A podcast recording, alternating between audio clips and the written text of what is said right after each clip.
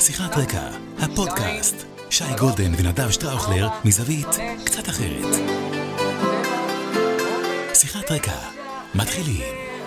אהלן, אהלן, שיחת רקע, פרק מספר 51, area 51, everyone.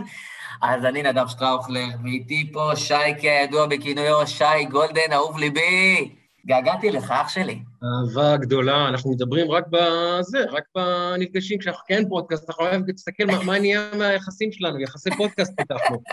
זה לא דבר פשוט, אנחנו היינו בתדירות, היינו פעם, הפודקאסט היה ליד החברות שלנו, היום החברות שלנו היא ליד הפודקאסט, זה לא דבר סביר, אה, שטראוך. אבל נגיד, נגיד שני דברים. אחד. בדיוק, נגיד שני דברים, אחד איתנו בקוקפיט, מאחורי הקלעים, לפני הכללים, מצדדינו. ומרחף בכל מקום, the one and the only, קינג הפוד, רני אשל, שיערוך פה, ימקסס, יסדר את כל הבאגים ששני האנטי-טכנולוגיים שכמונו לא יודעים לעשות, ממש. אבל הוא, הוא יודע, הוא יודע את העבודה. אז הוא איתנו פה. הטריו הקדוש והמשולש, שלושתנו כאן יחדיו, ו... אה, באמת התגעגענו, זאת אומרת, אה, אני, אני מקבל. מלא הודעות. תקשיב, אנשים אומרים לי, איפה אתם? מה קורה? נטשתם? ירדתם מהארץ? מה העניינים? אז אה, פשוט היו חגים, נכון. היו גם- מיני... גם אני, ו... ו... יש, והנה, יש, יש, לא, אני יודע שאתם לא, כן, אתם לא, אני מניח שקשה לכם לדמיין ולהבין את זה, אבל נדב הוא אחד האנשים העסוקים בארץ, ובכל זאת יועץ תקשורת באמת. בטופ שלוש, אני חושב, אפשר לומר היום בארץ, אתם יודעים, אני לא רוצה לפגוע באף אחד, בטופ ארבע, בסדר? נגיד פספסתי מישהו, אבל בטופ ארבע בישראל, הוא ואסף אה, שותפו, ואני עובר אירוע אה, רפואי אה, משפחתי, לא שלי, אבל אני מלווה אותו, הוא לוקח זמן לצערי, וזה פשוט גוזל מאיתנו את כל השעות הטובות שלנו. אבל באמת, כותבים לי קומנטים והודעות במסנג'ר ובפ... ובאינסטגרם, ואנשים שיש להם את הטלפון שלי כותבים, מה עם הפודקאסט? סליחה שאני מפריע לך, אבל מה... אז, מה... אז הנה, אז הנה, בשבילכם, נשבע לכם, בשבילכם, זה לא... הנסיבות הן כל כך מורכבות לשנינו, אבל אמרנו, לא. גם יש לנו בייבי, זה הבייבי שלנו, הפודקאסט הזה, מה, פשוט אה, ניתן לו לדעוך? מה פתאום? לא יקרה. וקראתי איזה, הייתה כתבה בשמחת תורה בידיעות אחרונות, על הקטע הזה שבכלל, על תופעת הפודקאסטים, וזה שהרבה מאוד הצטרפו אלינו ממש ככה בחודשים האחרונים, והיה שם קטע שאחד המאפיינים של פודקאסטים זה שיש איזשהו גבול, זאת אומרת, הרבה מאוד מהפודקאסטים אה, ככה מתקדמים וזה, ואז מתייאשים עד פרק 50, פרק 15, 30, 40, עד פרק 50, הם ממש מאפיינים את זה. אז אנחנו לא נעצור בפרק 50, אנחנו רק אשטג לא, התחלנו. לא, לא, לא, לא. רק התחלנו. אנחנו בתלת... אנחנו, מה שנקרא, במאה עצרו איתנו קשר ונדבר איתכם, במאה. לפני מאה בכלל אין מה לדבר. אין מה אנחנו לדבר בכלל, תלת ספרתי. רצים לטווח ארוך פה בשכונה הזאת, אין ספק בכלל. תשמע, יש לנו הרבה נושאים לדבר עליהם, אבל תתחיל עם הקרדיט המלא כמו שצריך, ואז אה, נזרום הלאה. יש לנו פרק חולצות, ויש לנו אחר כך הרבה מאוד נושאים מעניינים על הפרק. אז אנחנו שלושה אה, יהודים, נדב שטראוכלר, שי גולדן, ואחד, רן אשל. אתם אומרים, מי זה הרני הזה? רן אשל הוא הפודקאסט. הוא... בוא נגיד ככה, אפשר אה, גוף בלי אה, מוח? אי אפשר. אפשר גוף בלי לב? אי אפשר. אפשר גוף בלי גוף? אי אפשר. אז תחליטו מי אתם רוצים שיהיה מי. אבל אם אין גוף, לא משנה אם יש לב ומוח, כי זה לא עוזר. אם אין מוח, הלב והגוף לא יעזרו. אם אין לב, אז ככה זה רני, נדב ואני. אנחנו שלושה שהם אחד. ורני הוא המוח האמיתי מאחורי, ה... מאחורי הדבר הזה שאתם מאזינים לו וצופים בו כל יום, וחלקכם אפילו מסורים לו ואפילו מכורים לו. רן אשל גורם לדבר הזה לקרות, הוא אדם עסוק מאוד, וטוב שכך, זה אומר שיש לו פרנסה, ברוך השם, אבל uh, זה, זה, זה דורש עבודה, ואם אתם גם רוצים מישהו שיעזור לכם לקחת את הדבר הזה, נדב בדיוק דיבר על זה שבאמת התופעה הזאת של הפודקאסטים הופכת למשהו שהוא כמעט, uh, הוא כבר עבר את שלב הטרנד, הוא עכשיו בשלב שהוא חודר למיינסטרים וחודר לתרבות, ויותר ויותר אנשים עושים. תוך שנתיים, שלוש, זה יהיה הכרחי, כמו שיש לכם חשבון פייסבוק, זה יכול להחזיק פודקאסט קטן, או ערוץ קטן. אם גם אתם רוצים עזרה, רן אשל, פשוט just do it, כמו שאומרת הפרסומת לנייקי, ואנחנו לא מקבלים כסף מנייקי, לא מקבלים מהם כסף. בינתיים. אז אה, just do it. רן אשל. לגמרי, לגמרי, לגמרי. אז תשמע, אנחנו נתחיל כתמיד. בכל זאת, אנחנו נתחיל עם פרק החולצות, ואני אשמח שאתה תתחיל אצלך, כי למרות שזה אדום, למרות ועל אף, זה מסקרן, ואני רואה NFL, אבל אני לא מזהה... כן. זה 12... אה, קלאסי. בריידי. בריידי. יפה. עכשיו, השבוע היה אחד מאירועי הספורט הגדולים בארצות הברית בחמש, עשר שנים האחרונות, I kid you not, איכשהו זה חמק מתחת לרדאר בישראל, כמעט לא דיברו על זה, רק באמת בפינות של הפינות. תום בריידי הגדול חזר לשחק נגד ניו אינגלנד בניו אינגלנד, אחרי עשרים שנה ושש אליפויות ופרידה חמוצה, נקרא לזה. הקבוצה בעצם הראתה לו את הדרך החוצה באלגנטיות, ובחצי... הראו לו את הדרך החוצה, אוקיי? והוא אמר, אין בעיה, אני בן 44, אתם לא חושבים שאני יכול לשחק, יכול לשחק פוטבול? בשמחה. הלך לטמפה ביי בוקנירס, הביא את חבר שלו, רוב גרונקאוסקי, המכונה גרונק, וזכה באליפות השביעית בגיל 44, דיברנו על זה כבר, והנה ביום ראשון האחרון, לפני שלושה-ארבעה ימים, הוא חוזר לניו אינגלנד. למה הדבר דומה? למייקל ג'ורדן שחוזר אחרי שש אליפויות לשחק בשיקגו, לאלי אוחנה שחוזר לשחק בטדי, במדי, לא עלינו, לא רוצה אפילו להגיד שם של קבוצה בישראל כדי שלא יהיה פה... תגיד, אל תגיד, זה לא אומרים. תארו לכם. למסי שחוזר לברצלונה אחרי 20 שנה בברצלונה, או כמה שנים שהוא נתן שם. אז תום בריידי, אגדה, אגדה, אגדה, אגדה, אה, מתייצב ליום, ביום ראשון, ואני אומר לך, אני, הוא בחור בן 40 ועוד מעט 5, 44 וקצת. שזה, שזה לא ייאמן, זה לא ייאמן שהוא בן 44, ומשחק פוטבול, כי אי אפשר להסביר כמה הספורט הזה אלים. אני בן אני, אני זוכר את עצמי בגיל 44, נדב, אתה עוד לא שם. הגוף שלנו לא, בגיל 44 הוא לא מגיב טוב לדבר הזה שקורה, ב, שקורה במגרש פוטבול, הוא לא, הוא לא מגיב לזה טוב. והוא השחקן, הוא לוקח אליפות בגיל הזה. והוא מתייצב ביום ראשון בניו אינגלנד, ו... מנצח, לא משחקו הטוב ביותר, היה נרגש מאוד, ראו עליו, בחור בן 44, אבל נרגש מאוד. אה, ואני, אתה יודע, אני יושב שם, אני אוהד ניו אינגלנד. מצד שני, אתה יודע, אני, אתה יודע מה, אני אעביר את השאלה אליך. ניקח את התסריט של אלי, כן? נגיד אלי אחרי 15-16 שנים בביתר, והוא חוזר מברג, סליחה, מברגה, ומעלה אותנו מליגה ארצית, ולוקח אליפות, וכל הסיפור, וטה-טה-טה, ואז הוא עוזב את הקבוצה, כי מי שזה לא יהיה מראה לו את הדרך החוצה, וחוזר לטדי. מצד אחד אתה אוהד ביתר, מצד שני, זה אלי. מה אתה היית עושה? אני יושב שם ביום ראשון ולא יודע מה להרגיש, לא יודע מה להרגיש. מה, איך, איך, איך, היית, איך היית מרגיש בסיטואציה כזו? אם פתאום אלי חוזר לטדי נגד ביתר. קשה לי לדמיין כזאת סיטואציה. אה, זה סוריאליסטי לחלוטין, תשמע, זה, זה דיסוננס אה, קוגנטיבי במהות, אתה לא יודע מה לעשות, כי ה... אתה יודע, זה שני חלקים של המוח, אתה לא יודע מה לעשות, מצד אחד הקבוצה היא תמיד מעל הכל. מצד שני, אלי אוחנה, אתה יודע, הדמות שאתה זה כאילו חלק... אגב, נימני, להבדיל, שהוא בשביל מכביסטים, זה באמת, זה כאילו... כן, כן, זה לא. זה הכי גדול לא שיש. ללא ספק. אנשים אה, לא יודעים על זה, אבל נימני עבר לעונה אחת בביתר. אה, ואני לא אשכח שכשהוא הגיע לביתר הוא קיבל כבוד מאוד גדול, ועד אז קיללו אותו מאוד ביציעי טדי ובכלל. אה, והוא הגיע לביתר, והיה משחק, הרי הוא היה שמונה, והיה משחק שהוא שיחק נגד מכבי, המשחק הראשון. אגב, הוא הבקיע לדעתי, אני לא זוכר אם זה שער שוויון שער ניצחון נגד מכבי, כל האוהדים של מכבי ישבו ביציע הצפוני מאחורי השער, ודקה שמינית, כל הקהל של מכבי שר לנימני שהוא בביתר. הוא הבקיע להם שער, מה מסביר? אתה יודע, זה...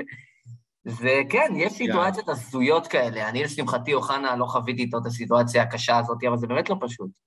דיסוננס. אז קיצר, ישבתי שם בראשון בשלוש לפנות בוקר, ואמרתי, may the best man win. באמת, פרגנתי לשני הצדדים. אתה יודע, בדרך כלל אומרים, אני מאחל בהצלחה לשני הצדדים, כדי שאחד יהרוג את השני. אבל פעם באמת איחלתי בהצלחה לשני הצדדים ואמרתי שלמעלה מי שמחליט, אלוהי הפוטבול יחליט, אני לא מתערב, אני רוצה ליהנות מהמשחק, ובסוף הוא ניצח, והפטריוטס, מאז שהם זרקו אותו, הם בבעיה קשה. אגב, הם קיבלו את עונשם. הם קיבלו את עונשם, הם בעונה מחורבנת שעברה, לא, לא עלו לפלייאוף בפעם הראשונה מאז לא יודע כמה שנים, וגם השנה זה לא נראה טוב. אז, אה, והוא לוקח אליפות כשהם זורקים אותו. אז אה, האמת היא, בתור אוהד אני אומר, כנראה שמגיע העונש הזה. כנראה שמגיע לנו העונש הזה. תשמע, אתה באת עם אה, אה, לא היה פוטבול, דיברת על לא היה פוטבול, אז אתה יודע, אנחנו, אנחנו הרי לא מתאמים את פרק החולצות. אנחנו לא מתאמים, נכון? מה שבא, אנחנו לא מתאמים. אז אני, נראה אם אתה תזהה... לא, גם, גם, גם סיפרתי לך מה הרקע לזה שאני לובש את החולצה. בכלל לא התכוונתי את החולצה הזאת, אני פשוט נמצא במקום שהוא לא איפה שיש לי את החולצות, ואני במקרה הולך עם החולצות האלה ביומיום, אז טוב, נבוא עם זו. כן. ובאת איתה, ותסתכל, הנה, אני היום, נראה אם תזהה. יובנטוס, אני רואה יובה. יובה, אוקיי. אה, עכשיו אתה צריך לעזור לי, להבין מי, יובה זה...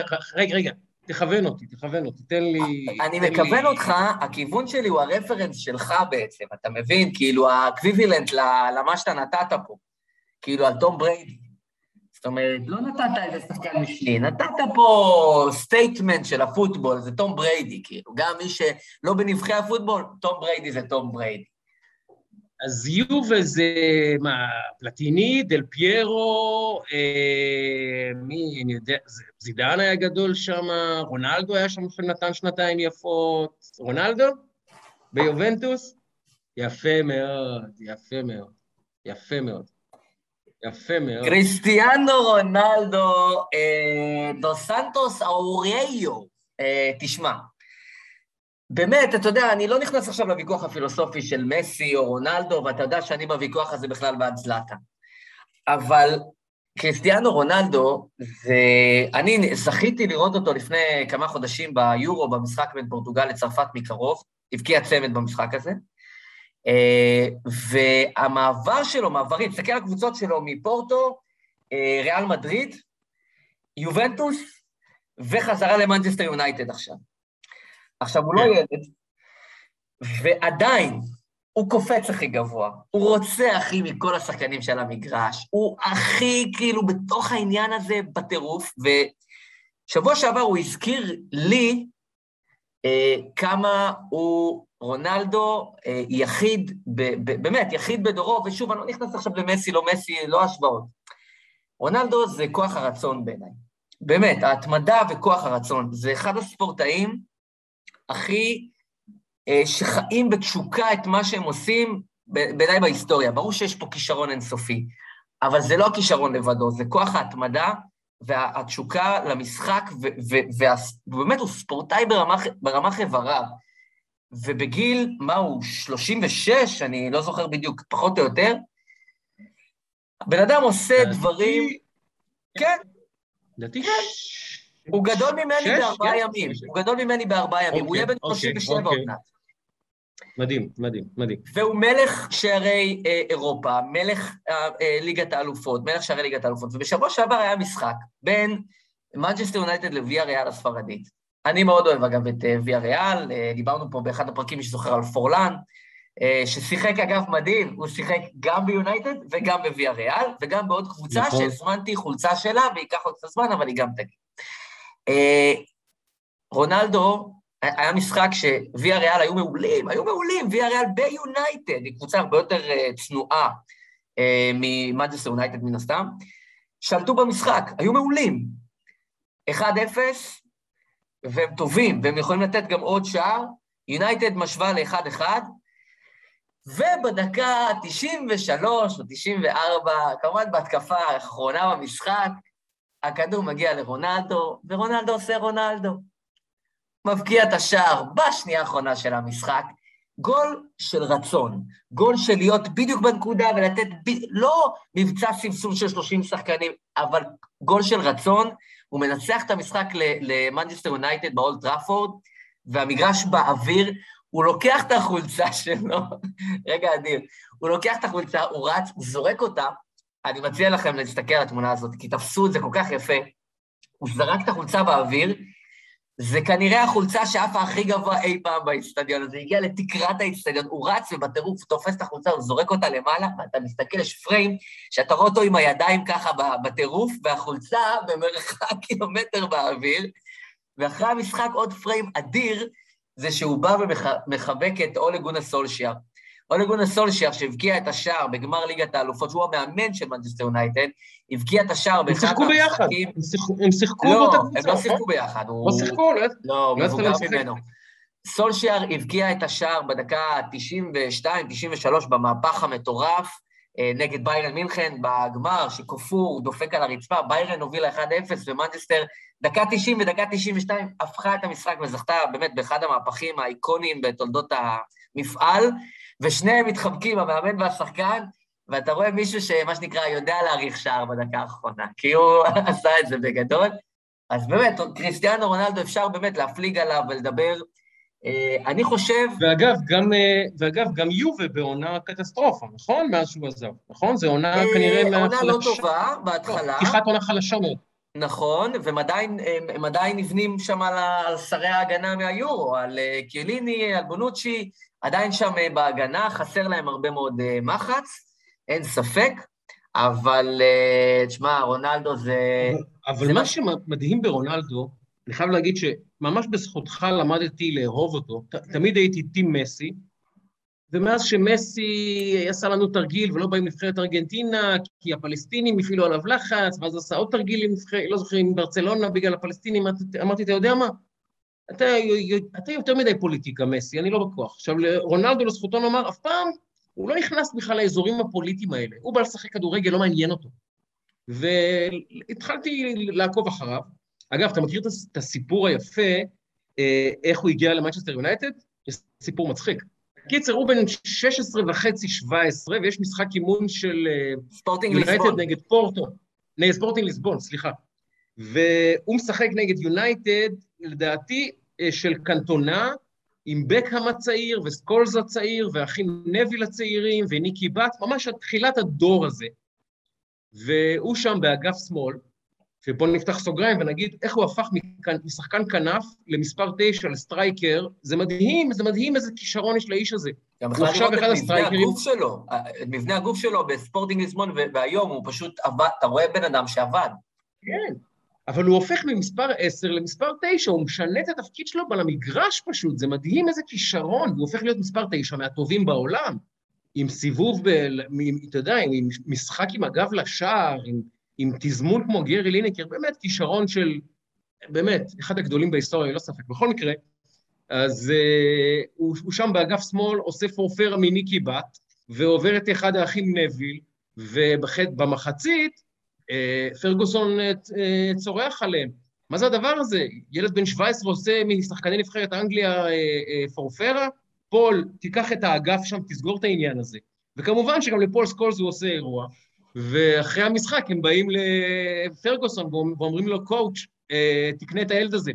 הוא אומר לו, זה בסדר, המשא ומתן כבר בעיצומו. זה בסדר, הוא עשה להם תרגיל. הוא אמר, הוא אמר, תכירו את החבר הבא שלכם לקבוצה. הוא אומר, זה בסדר. אז הוא שלח אותם, את הילד הזה להתעלל בהם, וככה בעצם הוא הכניס אותו לקבוצה בקלות. אחרי שהוא רכש את הכבוד שלהם במשחק, הוא בא לחדר הלבשה, כבר אומרים, טוב, הילד הזה הוא משהו מיוחד. נהדר. וככה בעצם מתחילה האגדה שלו. זה... זה מצחיק, אמרו לו, קואוץ', תקנה את הילד, אי אפשר לעצור אותו, הוא אומר, זה בסדר, יש פה משא ומתן, הכל בסדר. סר אלכס פרגוסון הגדול. איזה מלך, איזה מלך. יפה. טוב, אגב, בוא, נפתח סוגריים ונדבר על דודו עוואט. זה אומנם לפני שבוע, אבל בוא נגיד על זה שתי מילים בכל מקרה. בבקשה. אז לפני שבוע מתיישב דודו עוואט, אני רק מזכיר לכולם, אה, השוער עם הכי הרבה הופעות בכחול לבן במעדי נבחרת ישראל. שוער אה, אה, לגיטימי בליגה ספרדית ראשונה. בליגה ספרדית, שיחק בליגת אלופות, שחקן, אחד מה... באמת, 50 שחקני כדורגל הגדולים בתולדות ישראל ללא תחרות, אין שאלה בכלל, מקומו מובטח. והוא יושב שם כפרשן לגיטימי, ולפני שהוא מתחיל לדבר, אומר לו מודי ברון, תקשיב, אה, אני רוצה להגיד לך, לפני שאתה מתחיל לדבר, מה זה? אגב, צריך להגיד, הוא דפק שם חתיכת מונולוג, זה לא היה איזה בקטנה כן. כזה... שלוש דקות, שלוש דקות מונולוג, דעתי לא נוחה ממך, אבל, ומהתבטאויותיך בטוויטר, אבל, כדורגל זה משחק של שלום, אז בוא נעשה שלום פה באולפן, אז פתאום איזה נאום כזה, ואתה אומר, מה? על מה אתה מדבר בכלל? על מה אתה מדבר, מודי בר-און? מה זה קבלת הפנים הזאת שאתה עושה לפרשן בפעם הראשונה שהוא יושב באולפן ערוץ הספורט?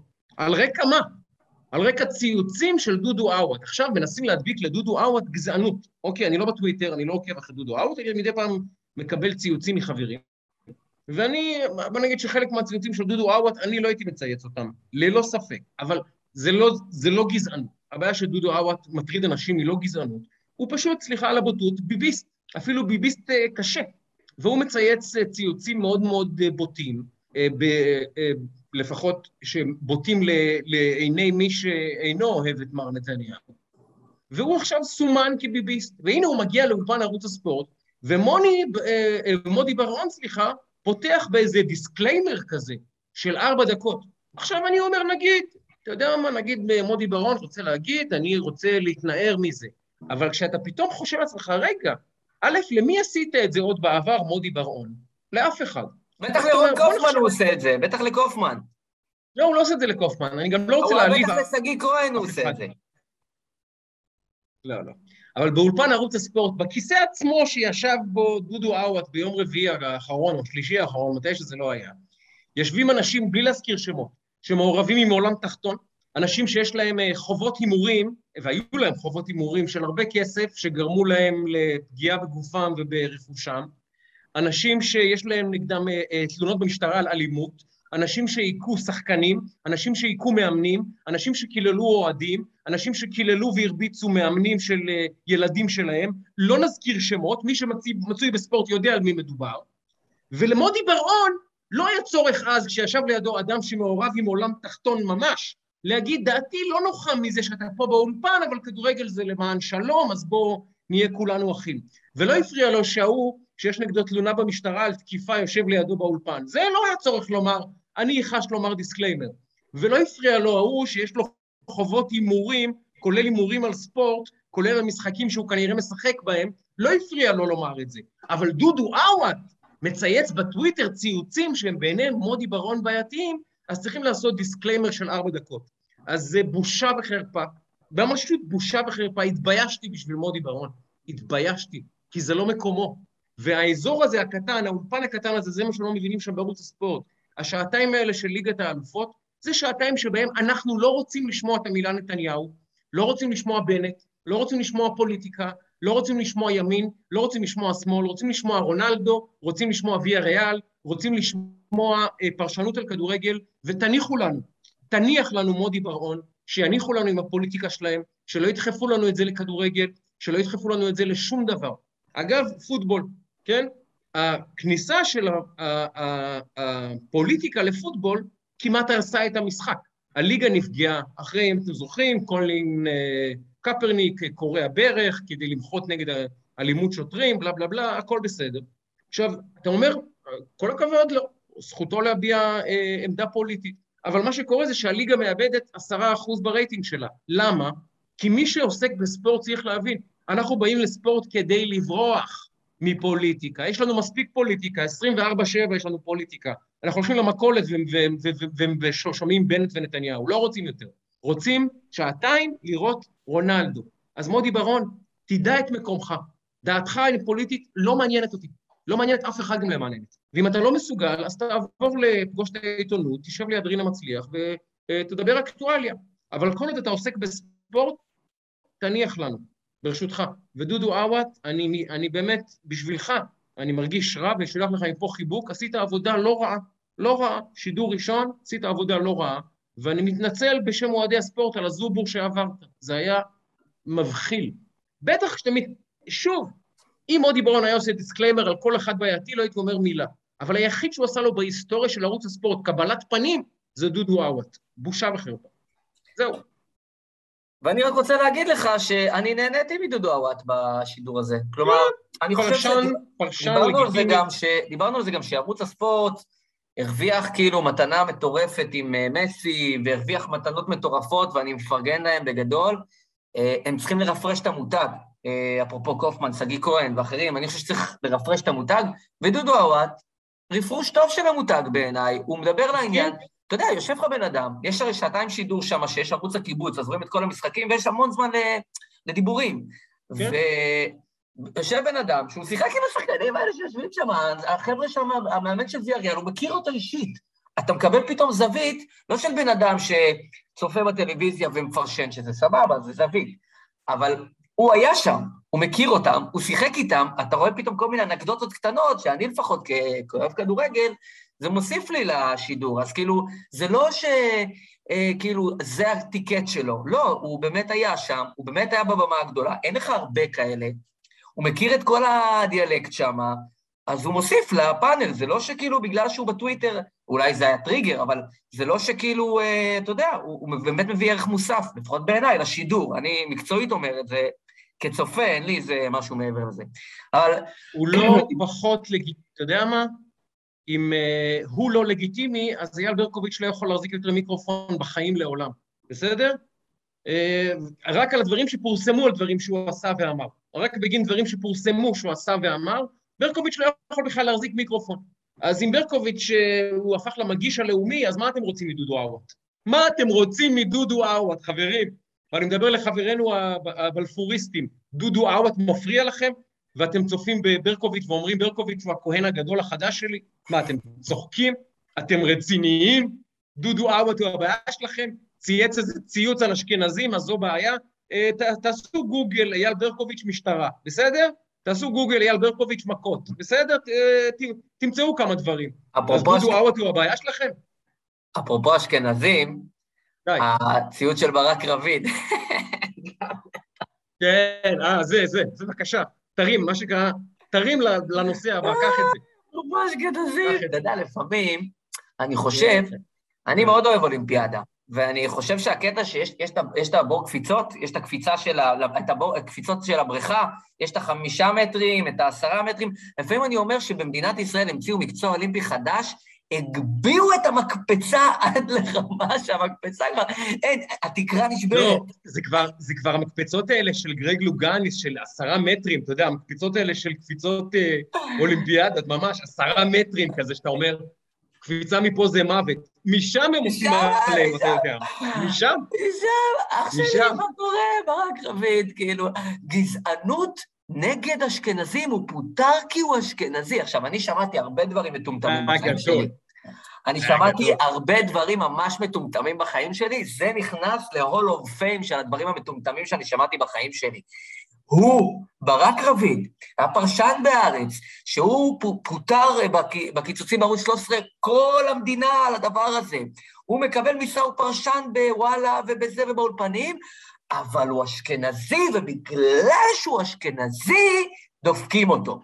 עכשיו, אתה יודע, לפעמים אני אומר, איפה אתם חיים? אתם חושבים שאנשים מטומטמים כמו אורלי בר-לב, העיתונאית, כן, זו המילה הראשונה בביו שלה, עיתונאית, כן. שבאה ומדברת על אילן ישועה, וכותבת על העדות של אילן ישועה שהוא לא, לא, לא, אף אחד לא אמר שהוא משקר, שהוא שיקר.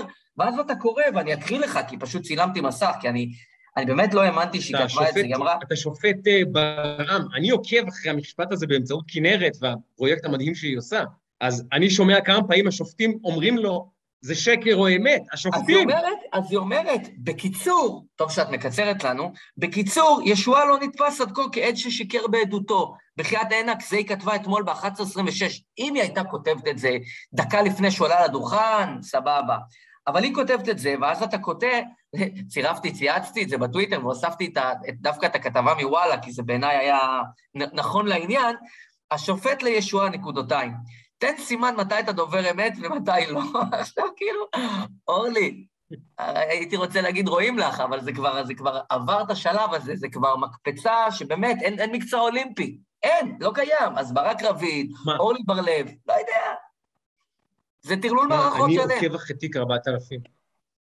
אני עוקב אחרי תיק 4000 ממש באופן יומיומי, כי כנרת שלנו כפרה עליה באמת יום-יום, ביחד עם אלי ציפורי שנמצא בבית המשפט, ואבי וייס ועוד אנשים טובים שעוזרים לה, עורך דין דוד פורר, עוזרים לה, באמת, היא מלווה את המשפט הזה live ממש, וכי כי כאמור, מה שמרתק זה שהפסיקו לסקר את המשפט. אתה רואה איזה ידיעה פה, ידיעה שם. אני משוכנע שכנרת על הפרויקט הזה תקבל פרס סוקולוב, אין לי ספק.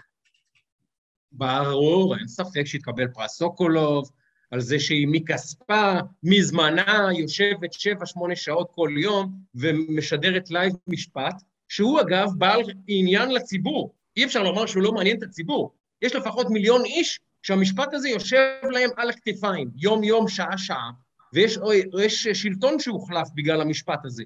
אז יש למשפט הזה איזו חשיבות לציבור, או עניין לציבור. והוא ידיעה מספר 6 או 7 בוויינט, או במאקו, או בוואלה, כולם אותו דבר, אני לא מאשים מישהו ספציפי, כולם. הפכו אותו לידיעה לא חשובה. עכשיו בואו בוא נזכיר, בואו נזכיר מה היה פה, כי אנשים כנראה שכחו. תקחו את היום לפני שנה, יום חמישי, מה המחשבה שעוברת לכם בראש? מה יהיה ביום שבת בבלפור? מה יהיה בקשרים? האם שוב פעם יבעירו את המדינה? הם שוב פעם עם הצרחות שלהם? משפט, הפרת אמונים, שוחד, מרמה וזה, המושחת. איך אפשר שיהיה מושחת? אז הנה, הגיע המשפט של המושחת. הנה, הגיע המשפט של המושחת. נכון? לזה חיכיתם. זה האירוע. זה כמו שאתה נגיד בסרט ג'יימס בונד, כן?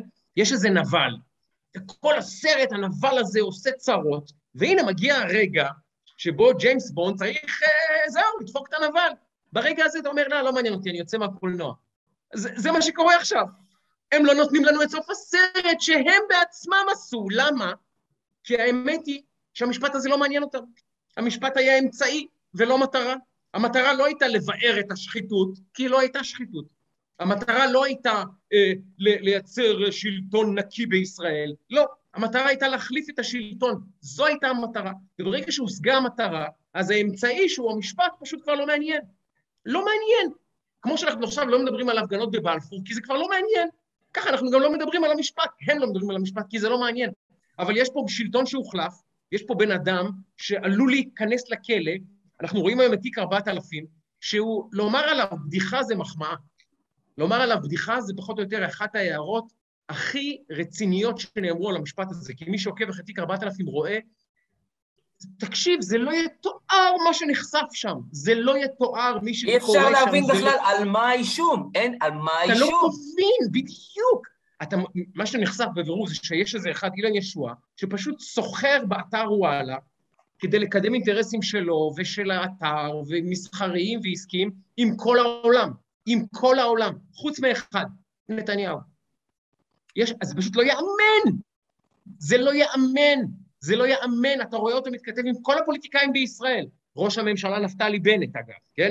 ביושבו כיושב ראש קדימה, אה, סליחה, ימינה, אה, בשעתו, מצלצל אליו, אה, אלוהים, כותב לו, כותב לו, מר ישוע, הודעת וואטסאפ, פורסם, יש בבית משפט, זה לא שמועה, זה בית משפט הופיע. הוא כותב לו, אשמח אם תגיד לקלוגף, שהיה אז היועץ תקשורת שלו, שיעביר את התקציבים שלך לוואלה, ואתה תקבל תמורה מעל ומעבר. עכשיו, אני למדתי משפטים, אבל אני לא עורך דין, ודיברתי עם כמה עורכי דין, וגם שמעתי כמה עורכי דין אומרים, זה הצעת שוחד, זו הגדרה של הצעת שוחד. זו ההגדרה של הצעת שוחד. יש תמורה, אוקיי, תן לי כסף, מתת, והנה התמורה, תקבל מעל ומעבר. מה תקבל מעל ומעבר? מה שיש בכוחי לתת לך, את האתר, ואנחנו רואים שישוע עושה באתר הזה כבשלו, כבשלו, מעל המערכת העיתונאית שלו, רומס את העיתונאים שלו, את המערכת החדשותית במשך שנים, שנים, בתקופה של אודי הירש ומיכל קליין ואבירם אלעד, זה מתמשך שנים, וטלי בן עובדיה, מתחלפים שם שלושה ארבעה אורחים וראשי מערכת חדשות, והוא, אתה רואה את זה, על כולם מנחית, שנים שנים הוא משתולל על המערכת, ורק דבר אחד, רק דבר אחד אין, עדות לזה שהוא אה, קיבל ממישהו הוראה לפנק את נתניהו. זה הדבר היחיד שאין במשפט. כל הראיות האחרות לזה שהוא נותן את וואלה ופותח את הרגליים, סליחה על הבוטות, לכל הפוליטיקאים בישראל ולכל אנשי עסקים, זה יש. על נתניהו אין שום דבר. מי עומד למשפט? נתניהו. עכשיו, די, די. יותר מזה, ונסיים בזה את האפיזודה הזאת. אתמול, זה היה ביום רביעי, אה, אה, מתפרסם יותר נכון שואל, ז'אק חן, העורך דין של אה, אה, אלוביץ', את ישוע, תגיד, אה, גונב לאוזניי שהכנתם דוח פנימי של וואלה בעקבות תחקיר של העין השביעית של גידי וייץ, גידי וייץ הרי כבר כתב תחקיר על העין השביעית, סליחה, בעין השביעית לפני הרבה זמן, שבו הוא מפרסם שוואלה בעצם מאשים את ישוע, זה מה שאנחנו רואים עכשיו במשפט, שוואלה בעצם מעל הגב של העיתונאים שלה סוחרת בשירותי העיתונאים. הוא אומר לו, תגיד, האם לא עשית אה, אה, בדיקה לגבי הסיקור של נתניהו ומשפחתו, הוא אומר, אמת, מה תוצאות הבדיקה?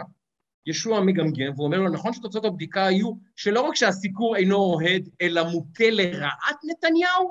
שהסיקור שלילי זה בדיקה פנימית של וואלה, שישוע בעצמו הורה לעשות. תבדקו את כל הידיעות מהשנה האחרונה, ותגידו לי אם הן יותר חיוביות או שליליות. אז יושב מי שיושב במערכת ומוציא דוח לישוע שאומר, לא רק שזה לא סיקור לטובה, סיקור לרעה. דוח פנימי של וואלה. הוא לא אומר את זה למשטרה, הוא לא אומר את זה לפרקליטות, הוא לא אומר את זה לבית משפט, אבל ההגנה מספיק חכמה כדי למצוא את הדוח הזה. וזה פשוט קורה לנו מול העיניים. אנחנו רואים שהתיק הזה שווה, סליחה על הבוטות, לישבן, לישבן, והפילו ממשלה בישראל, ורדפו פה בן אדם, ורדפו פה משפחה, ורדפו פה ציבור שלם, וזה בדיחה. והם יושבים, האורלי בר-לבים של העולם, והברק רבידים, ואביעד גליקמנים, וזה שהם לא כותבים מילה ביום, נגיד, כשהם כותבים, הם מסבירים לך, למה לא, מה פתאום, מה פתאום, ישוע לא שיקר, המשפט הזה חזק מאי פעם, נתניהו נוכל, אם צריך נצא שוב לבלפור. מה, אתם רציניים? ההתנהלות כולנו מטומטמים. היא אומרת, היא אומרת, זה רק מחזק את תזת הפרקליטות. הבנת? השחור הוא לבן, הלבן הוא שחור. כולנו מטומטמים, נדב, אני באמת שואל, הם חושבים שכולנו מטומטמים? אני לא יודע אם כולנו מטומטמים, אבל חלקנו אשכנזים, ואם אתה אשכנזי, אז כנראה הם מתגזנים עליך כי אתה אשכנזי. אגב, אשכנזי, אני גולדן, אתה שטראופלר, אנחנו לא אה, סובלים, זאת אומרת, אנחנו לא חשודים בהיותנו לא אשכנזים. אני חושב... אני אומר לכם, זה בדיחה, זה בדיחה. אני חושב שיש 3,472 אה, קהילות במדינת ישראל שמתגזענים עליהם, אני עושה ככה לפני שמתגזענים פה על אשכנזים, בסדר? אוקיי? בואו נשים את זה בפרופורציה הנכונה, ברק רביד. ואני אגיד את זה בעדינות בתור אשכנזי. אם יש קהילה שהיא נושאת דגל הגזענות בישראל, זו הקהילה האשכנזית, סליחה, סליחה על הבוטות, כנגד מיעוטים אחרים בישראל. אוקיי? אז די, אל תעשו צחוק מאיתנו, בסדר? כאילו, ברור שזה לא, אני לא מעודד שמישהו יקרא למישהו אשכנזי מסריח, או ירביץ לו כי הוא אשכנזי, אבל חבר'ה, זה, זה, זה לא הבעיה במדינה, גזענות נגד אשכנזים. זו אינה הבעיה במדינת ישראל. יש, כן, כמו שאמר נדב, 600 uh, מיעוטים ו-600 קבוצות אתניות לפני האשכנזים, שצריכות לעמוד ב, ב, בראש סדר העדיפויות נגד, uh, במלחמה נגד גזענות. די, די, אל תעשו צחוק מאיתנו. זה גאוני, כי הוא, כי הוא אמר שזה תופעה, תופעה... מילדותו זה רודף אותו, ילדותו כן. בכפר סבא, אוי ואבוי. כן, איזה ילדות כן, חשוכה הייתה לו שם. לא, זו תופעה חובקת אה, מדינה לחלוטין. בטח, בטח. אגב, ציוצים מצחיקים, אה, אתה, אתה מכיר את סיימון דוד, דוידסון? כמובן, כאילו את השם, לא, כן.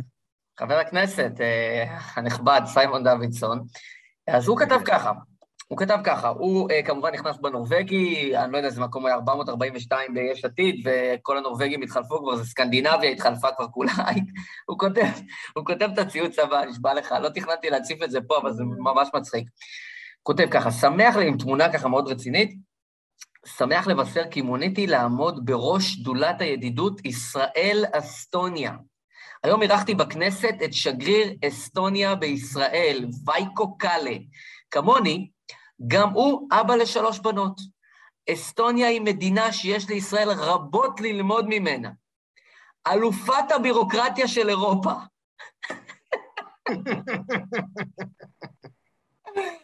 אלופת הבירוקרטיה של אירופה. הוא כותב את זה כמחמאה.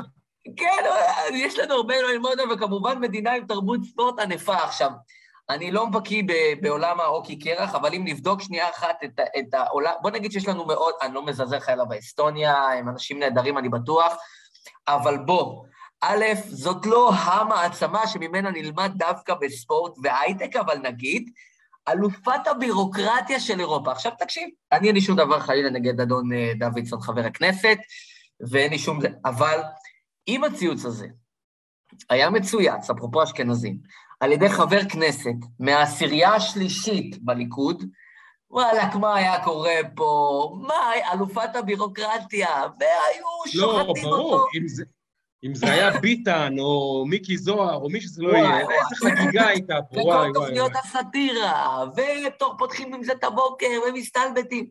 אבל זה לא אותו דבר פשוט. תשמע, אני רוצה לדבר איתך על עוד כמה נושאים קצרים. קודם כל, ולפני שנמשיך לנושאים הבאים, אנחנו מקפידים פה בכל תוכנית, ועל אף הפגרה, בכל שבוע, ככל שאנחנו נפגשים פה, ובעזרת השם, שאנחנו לא נצטרך להמשיך בכך, אבל ככל, כל עוד אנחנו, אה, אה, אה, המצב הוא כזה, אה, אברה מנגיסטו, אה, שנמצא בשבי החמאס, 2,587 לילות וימים אה, בשבי החמאס, ואנחנו אה, ממשיכים ונמשיך להציף את זה כאן. היה קצת איזשהו דיון, אני תכף הולך איתך למשהו שהוא מתקשר לדבר הזה, אבל היה קצת דיונים בכניסת הממשלה, והחמאנו מאוד גם אה, אה, לבנט בנושא הזה, שדיבר על הנושא הזה, ויאיר לפיד, וכל מי שיעסוק בדבר הזה.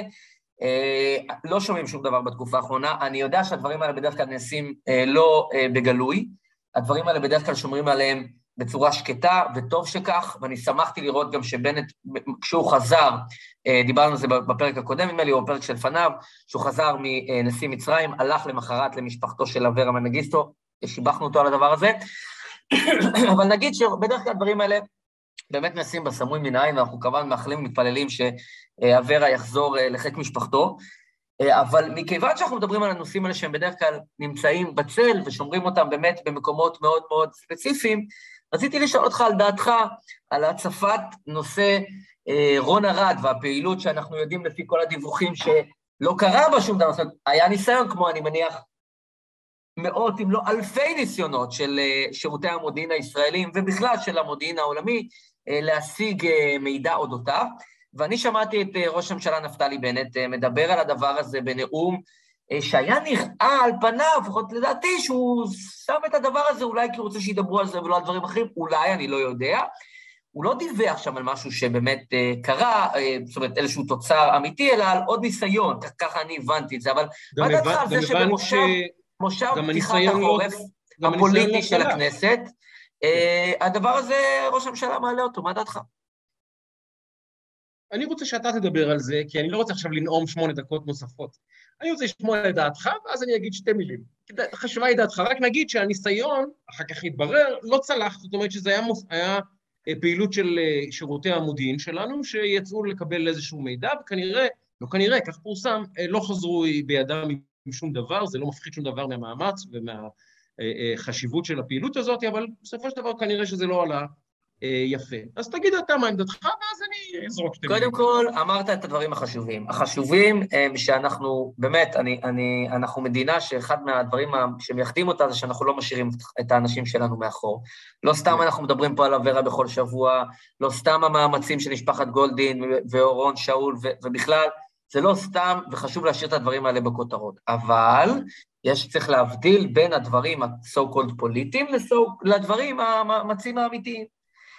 ואני בתחושה, וזאת לא פרקטיקה שהומצאה השבוע על במת הכנסת, זה שכשאתה רוצה להסיט משהו גדול, אתה צריך להביא משהו גדול יותר.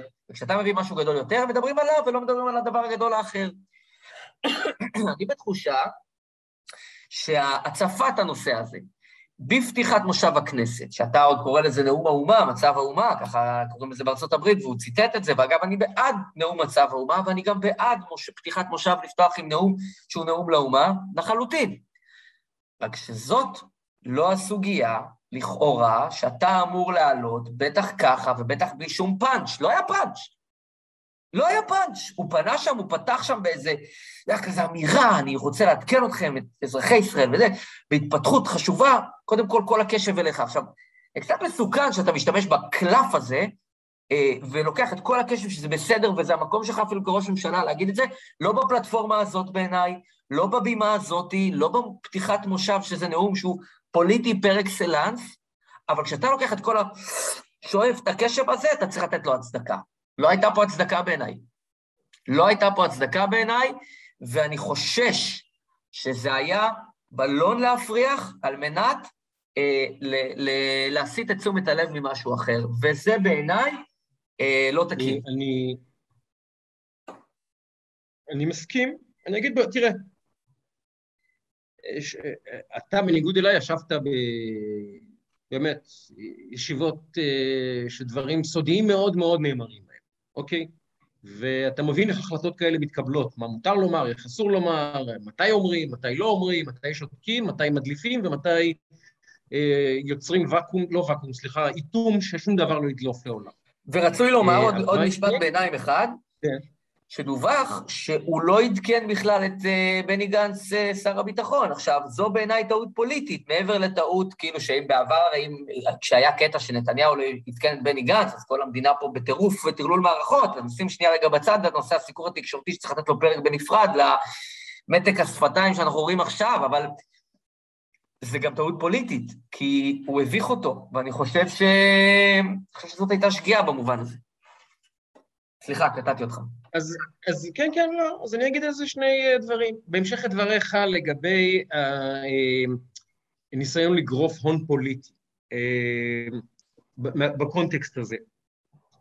תראה, יש, לזה שני היבטים. אה, היבט של נתניהו, תכף נזכיר אותו, אבל היבט אה, אחר. והוא, בסופו של דבר, אני חי בתחושה, וזו התחושה שלי. אני מסכים עם הפרשנות שלך שהוא מנסה להסיט את אה, דעת הקהל, לייצר איזו כותרת, מה שנקרא ספין, שבו אה, במשך אה, 24 שעות הניוז סייקל יעסוק ברון ארד, ושוב ידברו, וזה... אגב, אגב. יש לציין שהוא הצליח. זאת אומרת, אנחנו פה מדברים, ודיברו על רון ארד, וגם מדברים על הנושא. של טדי שגיא. זאת אומרת, לא מדברים, מדברים על הדברים. האלה. מדברים על הנושא, זה, לזה קוראים ספין, ככה זה פשוט, זה ההגדרה של ספין. אתה מייצר איזשהו סיבוב כדי להסיט את דעת הקהל לשם. עכשיו, אני אומר בצורה הכי אה, פשוטה, לדעתי, מר בנט אה, גם עשה ספין, אבל יותר מכל, הוא אה, מייצר מה שנקרא מיטו לנתניהו. מיטו לא תנועת ה- התנועה הפמיניסטית, אלא מיטו המושג השיווקי. אתה רואה מישהו עושה משהו ואתה רוצה לעשות כמוהו. הבעיה שלך שאתה לא הוא, אתה מישהו אחר. עכשיו, ראינו אותו נואם באו"ם, אה, נאמר את זה בעדינות, לא מהנאומים הטובים של ראש ממשלה ישראלי אי פעם באו"ם. אוקיי, אני אומר את זה, זה אחד הדברים הכי יפים שאמרו על הנאום הזה, לפחות בצד שלנו. אוקיי? לא מהנאומים הכי טובים, שלא לומר נאום מביך. אבל נגיד, אני חושב שבנט עוסק, ואני אומר את זה כבר מהיום הראשון, בעיקר בלהזכיר לעצמו ולהזכיר לנו שהוא ראש הממשלה. עכשיו, איך אתה מזכיר שאתה ראש הממשלה? אז אתה כל הזמן אה, מצטלם ועושה, אה, ויש לו נוכחות מטורפת, כל הזמן מעלה סטורי, זה מעלה זה, בסדר, לגיטימי, קשר עם הציבור, לא, לא מתלונן על זה. אבל גם בכנסת אתה רוצה לומר, הנה, אני עכשיו עושה לכם נתניהו, אזרחי ישראל היקרים, אני ראש הממשלה שלכם, נפתלי בנט, הוריתי למוסד לצאת למבצע, לקבל מידע על רון ארד. ככה אתה בעצם מזכיר לעצמך וגם לעם ישראל, אני ראש הממשלה, אתה רוצה לבנות לעצמך איזושהי, איזשהו תוקף, ושהחליפה שלך תראה באמת יותר, אה, אה, יותר, אה, אתה יודע, ממלכתית ולגיטימית וראש ממשלתית. מה הבעיה? כשנתניהו מודיע על פעילות של המוסד, אז הוא מכנס מסיבות עיתונאים ואומר, חברים, היינו באיראן, הבאנו, אה, לא יודע מה, אה, שני מיליארד ג'יגה בייט מידע אה, שסוכנינו השיגו, אפשר להתווכח טוב, לא טוב, טוב שעשה, לא... אבל הוא הביא בשר, בשר שמת בצלחת, סליחה מחברינו הצמחונים והטבעונים, שמת סטייק בצלחת. עכשיו, אתה יכול להגיד, לא טוב ששמת את הסטייק, הסטייק הזה צריך להישאר במקפיא, בסדר גמור, אבל שמת סטייק. עכשיו, בנט שם לנו אה, פירור סומסום, ואמר, הנה, זה הסטייק שלי, אני שלחתי את סוכני המוסד למבצע שלא העלה שום דבר, אבל אני ראש הממשלה, ותדעו שאני מחליט על המוסד. ככה אני ראיתי את זה. אמרתי, אוקיי, בנט, אתה מחליט על המוסד, שמענו, אבל מה הבאת? מה הבאת? אגב, לא בקטע רע, אבל פעילויות כאלה של המוסד לא יוצאות uh, לפועל שלושה חוד... בתכנון של שלושה חודשים. זה מבצעים שלוקח שנים לתכנן, וחודשים להפיק, ושבועות רבים לבצע, ואפילו יותר משבועות, אז אני לא אופתע. שוב, אין לי מידע, אין לי מידע, אם המבצע הזה יצא לדרך בתקופת ראש ממשלה אחר בכלל. ואגב, סתם. ואגב, אני לא מזלזל על קבלת ההחלטה. אני באמת לא בהחלט. מזלזל על קבלת ההחלטה. אין לי שום בעיה עם קבלת ההחלטה, טוב שקיבלו את ההחלטה. צריכים לחפש כל מידע על חיילינו ונעדרינו ושבויינו, אין שאלה בכלל, אין שאלה, אין שאלה. אבל אחי, אתה שם לי את הפירור סומסום הזה ואומר, הנה הסטייק שלי על הצלחת? די, די. אתה עושה צחוק מהעבודה, מר בנט, ראש הממשלה, אדוני, סליחה, בלי לפגוע. אם נפגעת אני מתנצל, אבל זה, זה, זה מצחיק. יותר מזה, יותר מזה, אני מזכיר לך, כשראש הממשלה נתניהו, שוב, אני לא רוצה להיכנס לסוגיה העקרונית, אם כדאי או אסור לדבר על דיווחים של ראש המוסד, על, סליחה, על פעילויות של המוסד. אני לא איש ביון, ואני לא, אה, אין לי תואר מתקדם במדעי המדינה, וגם לא ישבתי במל"ל. יש לי את דעתי כאזרח, אבל אני לא מומחה לענייני ביטחון. אבל נגיד שראש הממשלה קיבל החלטה. אתם יודעים מה? ראש הממשלה נתניהו קיבל החלטה שהוא רוצה להשתמש בקלף הזה כדי לייצר מסר לאיראנים, מסר לאמריקאים, ואפילו לייצר הון פוליטי. נגיד שהוא קיבל החלטה, זה שיקול דעת של ראש ממשלה. אתה זוכר, אתה זוכר את החגיגה אחרי שנתניהו עשה את המסיבת עיתונאים הזאת? איזו שחיטה, איזו השתוללות, כשהמסר היה, איך אתה מעז לפגוע בקודש הקודשים, פעילות המוסד, איך אתה מעז להרים את, ה, את המעטה של החשאיות מעל פעילות לוחמינו הגיבורים, שהם באמת גיבורים ונהדרים והכל נכון. איזה השתוללו עליו, מוכר את המדינה בשביל מסיבת עיתונאים, ככה אמרו, מוכר את חיילינו ואת לוחמינו בשביל מסיבת עיתונאים. והנה מר בנט עולה לדוכן הכנסת, אומר, הוריתי למוסד, טה-טה-טה-טה-טה-טה-טה. עכשיו, מי שקצת מבין בזה יודע שיכול להיות שהוא עכשיו מסכן איזה סוכן שנמצא, שבמקרה קיבל מידע והדליף מידע ואיזה מקור, אתה לא יודע את מי הוא מסכן שם, אני לא יודע. אבל זה שיקול דעתו של ראש ממשלה. אם ראש ממשלה אומר בעיניי זה בסדר, זכותו לומר. אבל אי אפשר גם להגיד, כשנתניהו אמר זה מעשה נפשע, ועכשיו לא לומר שום דבר. כלום. מדברים רק על רון ארד. לא מדברים על העובדה שראש הממשלה עשה פעולה שלפני חצי שנה, שנה כשנתניהו עשה אותה פעולה בדיוק, עליתם לבלפור עם, עם להביור, רציתם לשרוף אותו. איפה האינטגריטי, נדב? אי אפשר כבר לשאת את זה.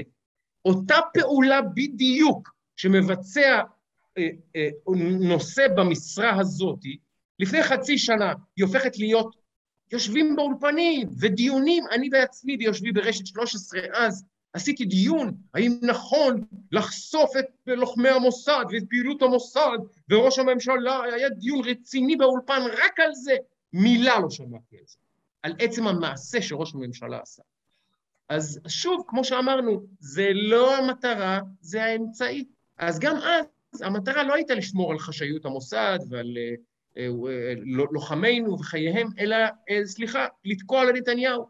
ועכשיו, כשלא צריכים לתקוע לראש הממשלה, פתאום זה עובר מכולם מתחת לרדאר, ואי אפשר לשאת את זה. האנשים האלה, אני באמת, ככל שהחודשים עוברים מאז שהממשלה הזאת הושבעה, אני מאבד יותר ויותר ויותר כבוד ליותר ויותר יותר אנשים, זו האמת. כי אתה רואה מי עיתונאי ומי לא, אתה באמת רואה מי עיתונאי ומי לא. כי אם אתה יושב עכשיו ומול הדברים שקורים, ואתה פשוט מחריש, מחריש מול משפט נתניהו, סליחה, מול תיק רבת אלפים, ומה שאנחנו רואים שקורה שם, אין מישהו שיגיד, חבר'ה, די, התיק הזה קורס, בוא נודה ונתקדם לתיק הבא. לא. לא, לא אומרים כלום. להפך, התיק בסדר, ובואו גם לא נדווח עליו בכלל. וכשראש הממשלה עולה על דוכן הכנסת ומודיע על מבצע שנכשל, רק כדי להגיד, אני נתתי הוראה ללוחמי המוסד, אתה לא אומר, מר בנט, רצית לגזור עלינו קופון עכשיו, נכון? רצית לצאת אבו עלי על כולנו ולהגיד, אני ראש הממשלה ואני מפקד על המוסד, נכון? זה מה שרצית לעשות, נכון? הרי אין שום ערך למידע הזה. למה אמרת אותו? אין מי שיגיד את זה בתקשורת המיינסטרים, אין. זה צריך להישמע בפודקאסט של נדב ושי. זה חרפה, זו חרפה, תסלח לי. זו חרפה. אין לי מה לומר כבר.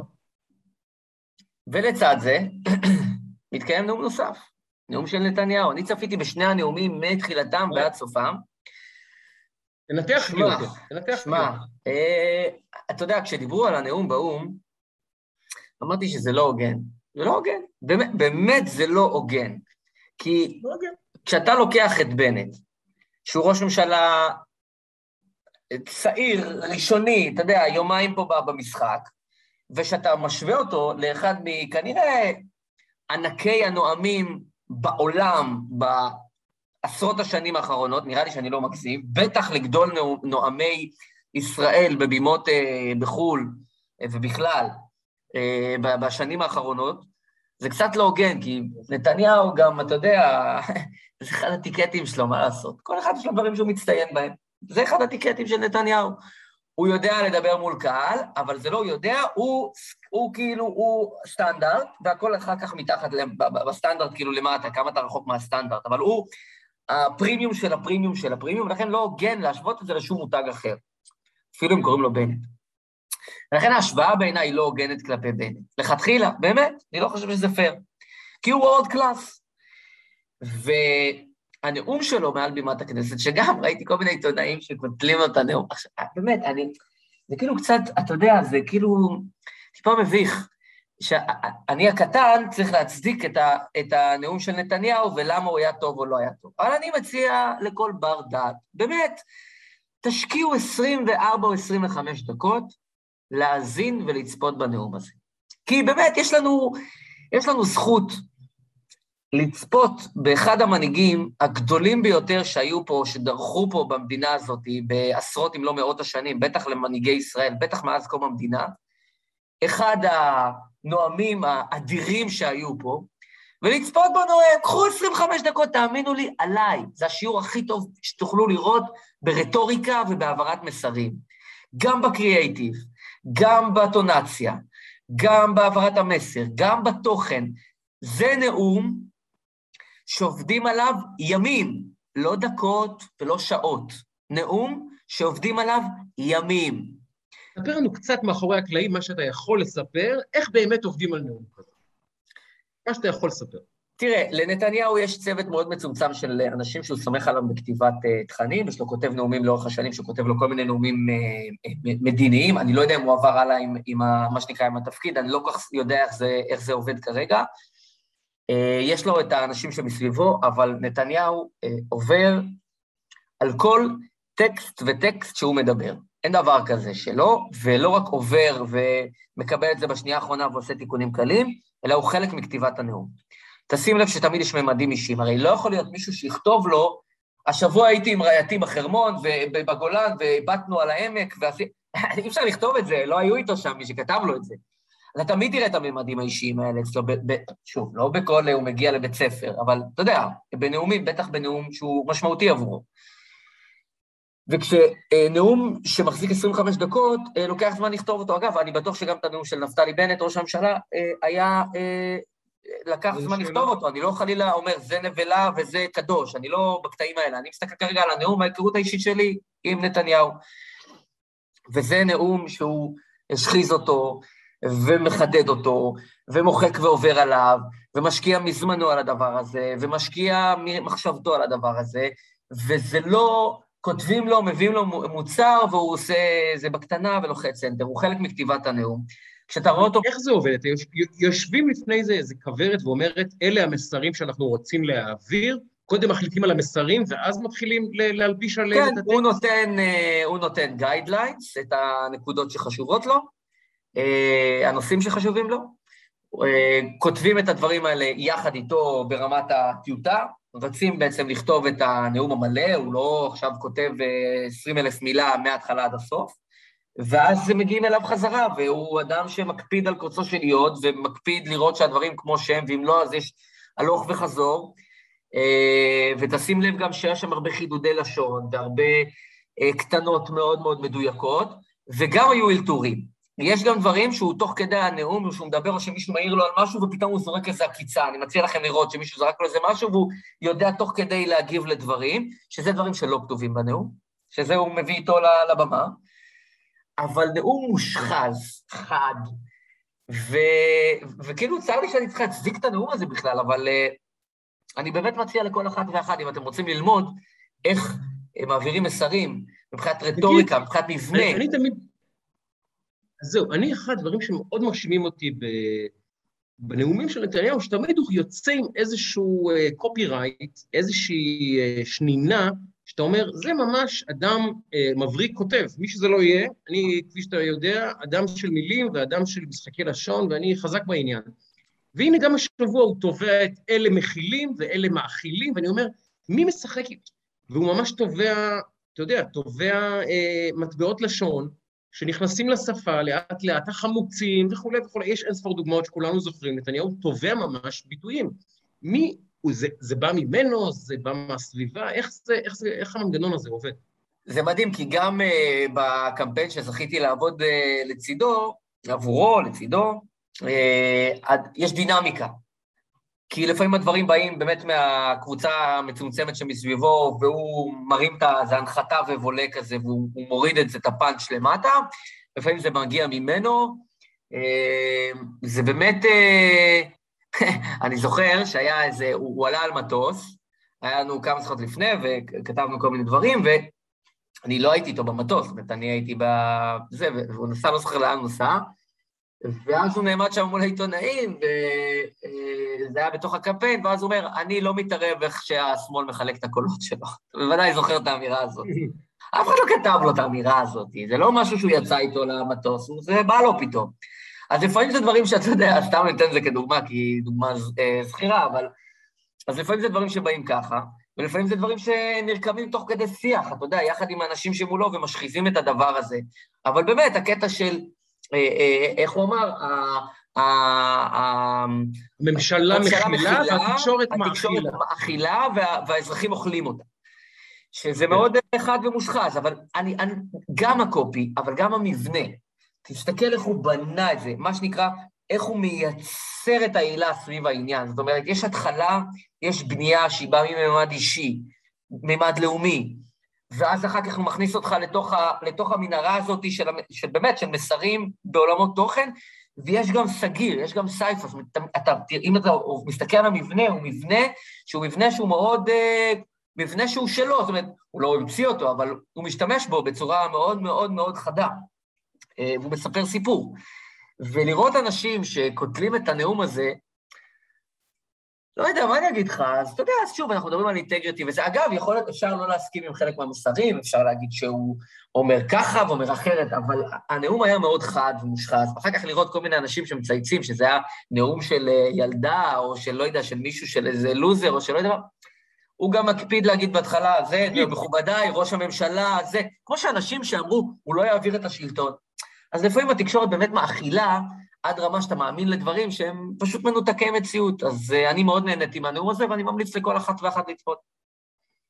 אגב, איך אתה אה, מנתח את העובדה שהם רוצים, אה, כך, זה הוצהר, הם רוצים להעביר במושב הזה את... אה, אה, חוק איסור אה, ראש ממשלה עם כתב אישום וחוק איסור עם שתי קדנציות, כאילו לנעול את נתניהו מכל אפשרות אי פעם אי, להתמודד בכלל, לחיות. אם היה אפשר אה, חוק כליאת נתניהו בשם היותו, רק בגלל היותו נתניהו, גם היו מפורקים את החוק הזה, אבל נראה... אולי עוד נגיע ליום הזה שבו צריכים לקלוא את נתניהו בחוק סתם, כי זה החוק. אולי נגיע גם ליום הזה, אבל לא משנה. בנט התנגד לזה בצורה, בקולו, לא שיש להאמין למילה שהאיש הזה אומר, לצערי, ואני לא אומר את זה כי אני שונא אותו, כי הוא פשוט לימד את כולנו שאין טעם להאמין לאף מילה שהוא אומר, כי הוא יגיד בדיוק ההפך. אין דבר יותר מצחיק עכשיו מלקרוא ציוצים ולראות רעיונות של בנט מלפני שנה. זה פשוט קומדיה. זה ממש קומדיה. זה כאילו, זה מתנה שלא לא מפסיקה לתת. נאומים של בנט ורעיונות שלו מלפני שנה. זה פשוט לא יאמן. זה דברים והיפוכם אחד אחרי, לא משנה. אבל הוא אמר, אה, עוד בתקופת, לא, עוד בתקופת אה, אה, תחילת הממשלה, הוא אמר, אני לא אתן ידי לחוק הזה, והנה עכשיו הוא אומר, אנחנו צריכים לחשוב, להחליט, איך אתה מנתח את ה... כי בנט בסופו של דבר יחליט, לא יחליט, יכריע בקולות שלו אם החוק הזה יעבור או לא יעבור. איך אתה רואה את המצב שלו בסיפור הזה? אה, קודם כל, גם הח"כים שלו אה, אמרו את זה, אבל הם כבר לא חברי כנסת, הם התפטרו, אז הם לא יצטרכו להיות בפני הדילמה, תחשוב על המהלך הזה. לצד זה, יש פה עניין גם של, אה, אם אני מבין, לפחות חלק מהניואנסים בחוק הזה, זה שחבר כנסת, לא, זאת אומרת, לא תוכל להתמודד לכנסת, אם יש לך כתב אישום. אני לא בטוח שהמפלגות הערביות כל כך רצות לדבר הזה, אה, לתמוך בחוק שכזה. אה, זה גם יכול בניואנסים מסוימים ובמקומות מסוימים לייצר להם אתגר, לא בטוח שהם ירצו לתמוך בדבר הזה. זה אחד. שתיים, חוק, אוקיי, חוק אפשר לשנות. אה, זאת אומרת, אני חושב שזה... ברור שזה חוק פרסונלי, ואני חושב שזה פסול ובזוי, אבל חוק אפשר לשנות. אה, ואז גם אם בסיטואציה מסוימת אה, חוק עולה, או אפילו עובר, אפשר גם לשנות אותו. ואני חושב שזה לא מוסיף כבוד לממשלה הזאת לחוקק חוק שהוא בהכרח פרסונלי. אגב, הגבלת כהונה, לא רטרו, אלא עתידית, לשמונה שנים, לשתי קדנציות, לא משנה למה, אה, הוא בעיניי חוק סביר לחלוטין, אבל כשאתה עושה חוק שהוא פרסונלי על נתניהו, זה לא מוסיף כבוד בעיניי, בפרט כשאתה אה, מתנגד לזה או התנגדת לזה לאורך שנים באופן אה, נחרץ. אז א', אני לא בטוח שזה יעבור, אגב, יש פה כל מיני עניינים דקלרטיביים, כמו הצוללות, שכל פעם שמישהו מסתכל מן השמאלה, אין משהו זה, זורקים את ועדת חקירה של הצוללות, גם באירוע של הצוללות, ואולי עוד נרחיב על זה בהזדמנות, יש פה הרבה מאוד אנשים, כולל בממשלה הנוכחית, שוועדת חקירה ממלכתית על הצוללות יכולה לגרום להם לדברים אה, לא בהכרח אה, נוחים ונעימים, כולל בממשלה הנוכחית. ולכן, אני לא בטוח שכל פעם שמעלים את הקלף הזה של הצוללות, אכן יממשו אותו, כמו עוד, עוד כל מיני דברים, וגדעון סער הוא פוליטיקאי מאוד מאוד חכם. גם לתזמון לא, יש זה, משמעות. זה מעניין כי... וזה מעניין כי בני גנץ, זה, זה הטיקט שלו. אני חושב שבני גנץ, שהוא לא נחשב פוליטיקאי מבריק, משחק משחק כפול מעניין. יד אחת רומזת ללפיד ולבנט, אני יכול יום אחד אה, לאבד את הסבלנות ולחבור לנתניהו, ואולי לעשות איתו רוטציה שבה אני אתחיל, זה כאילו בין השורות הוא רומז להם את זה, הוא לא אומר את זה, הוא רומז להם בין השורות. יד שנייה אומרת, אני מקדמת את הצוללות, שזה בוודאות עוד ועדת חקירה שנועדה שוב לזמן את נתניהו, לחקירות וכותרות וכל הקרקס הזה. הוא לא היחיד שיזומן, משחק כפול, הוא משחק בין שני הצדדים. הוא לא היחיד שיזומן, זה, בוא, זה אירוע... ברור. מי שיוצא להרפתקה הזאת, כמו תיק 4000, מי שיוצא. להרפתקה הזאת חשוף בפני עצמו ללא מעט. דברים, הם יודעים את זה, הם לא טיפשים. ברור. אנחנו זוכרים מי היה שר האוצר, אנחנו זוכרים מי היה שר הביטחון, זוכרים עוד דברים. זוכרים עוד דברים. לכן, יש פער בין הדקלרטיבי לבין האופרטיבי, לבין הרשמי, ולכן אה, דיברנו על ספינים, דיברנו על העניין למה לשים דברים על האג'נדה, לא בהכרח שזה באמת מה שיקרה במובן הזה. לא, רק נזכיר לכולם שגם המשטרה וגם אה, גורמים בפרקליטות בדקו את עניין הצוללות במסרגות בשר, באמת, לא, סליחה, ברזל, סליחה, במסרגות ברזל, סליחה. ובוגי אמר, אם אני אפתח את הפה, המדינה תרעד.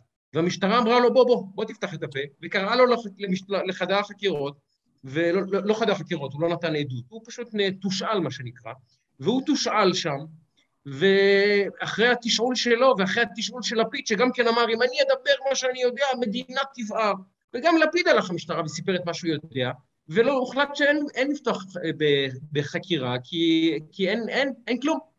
אז המשטרה כבר בדקה, הפרקליטות בדקה, ואנחנו יודעים כמה המוטיבציה של המשטרה והפרקליטות למצוא ראיות נגד נתניהו היו גדולות, אז uh, כנראה שאין כלום, אבל בכל מקרה רוצים לעשות עוד סיבוב, לשחק עוד משחק, כמו שאמרת. Uh, אני מאחל להם שיקפצו למים האלה, ואני מאחל להם שבמים האלה תהיה חומצה שתפגע גם בהם.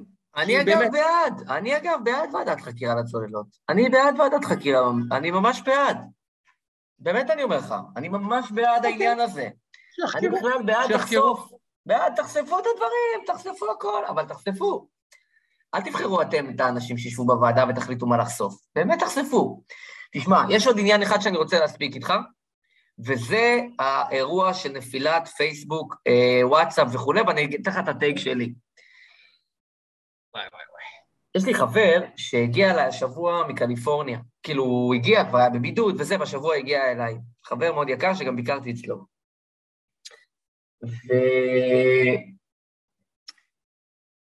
הוא הגיע והחליף צ'יפ בסים וזה, ועניינים, והנס, שלי שלחה לו הודעה בוואטסאפ עם הכתובת המדויקת שלנו בשעה שש ועשרה. בשש ושבע עשרה דקות זו הייתה הדקה ש... שקיבלתי את ההודעה האחרונה ונפל לוואטסאפ, אה, פייסבוק וכולי. נס גלוי, הוא הגיע לפה בערב, וממש עוד עשר דקות אחר כך קדימה, אנחנו באירוע אחר. והיה היה קטע, בעצם ברגע שנפל, אני, אני אגיד לך איך אני רואה את זה, ו- ויש לי גם איזשהו, אתה יודע, בנצ'מרק לעניין, שבהתחלה, לא אני, אבל אני חושב שזאת התחושה של חוסר אונים. אני, האמת שלי היה סבבה לגמרי, כאילו, אין לי בעיה, זה היה אחלה. בטח גם בערב וזה, וגם בא לי בטוב, כי בדיוק בא חבר לבקר אותי מקליפורניה, קבענו ערב ביחד, נפל וואטסאפ, זה היה מושלם, היה לנו שקט. פייסבוק וכל הקשקושים ועניינים. ובהתחלה, אני אומר, אנשים נטרפה דעתם, גם פרקו את זה בכל מיני מקומות, או אתה יודע, היו באי שקט. אחר כך רגע הבינו, רגע, אולי בעצם זה טוב, ואחר כך שחררו את העניין. עכשיו, אני הרגשתי שזה היה בשתיים וחצי בלילה, בערך שבעצם כל ההודעות הגיעו, זה היה קצת כמו צאת שבת. זאת אומרת, אנשים הרגישו מה אני מרגיש בצאת שבת. זאת אומרת, אני יוצאת שבת, קודם כל השבת, יש לי שקט, אין פייסבוק, אין וואטסאפ, אין כלום, אין רעשים חיצוניים. ואז יוצאת שבת, 80 הודעות, 200 הודעות, כאילו מלא הודעות, מיילים. ופה פתאום, זה כמו שהייתה שבת, באמצע השבוע הייתה שבת, איזה כיף. אין וואטסאפ, איזה... אז עדיין יש טלפונים, זה לא היה שבת מלאה, אבל זה היה סוג, אמרתי, וואלה, עכשיו אנשים טיפה מרגישים, מבינים מה זה שבת, את הקטע הטוב של העניין. ההתנתקות הזאת. רגע, אתה, אתה גם יועץ תקשורת. יש איזה שלב, אני זוכר את עצמי יושב וחושב, כשהבנתי שיש תקלה. הרי שלחתי למישהו הודעת וואטסאפ, אני רואה שהוא לא, שהוא כאילו, אין קווים. ושלחתי לאחי הודעת וואטסאפ ואין קווים. ואחי, אני גם מצלצל אליו שהוא לא עונה לי, כי יש לנו עניינים שאנחנו צריכים לדבר עליהם. אה, אז הוא אומר לו, אני אומר לו, שלחתי לך הודעה, למה אתה לא זמין? ואז אני מבין שאין וואטסאפ ואין פייסבוק ואין זה, ו... אחרי איזה חצי שעה אתה אומר, אוקיי, זה לא תקלה, אחרי שעתיים אתה אומר, זה כבר לא תקלה, זה אירוע. ואחרי שש שעות אתה אומר, זה כבר אירוע גדול. האם גם כיועץ תקשורת יש לך את התודעה הזאת של, אוקיי, הם נכנסים לאירוע גדול עכשיו. ככל שהדקות חולפות, האירוע גדל.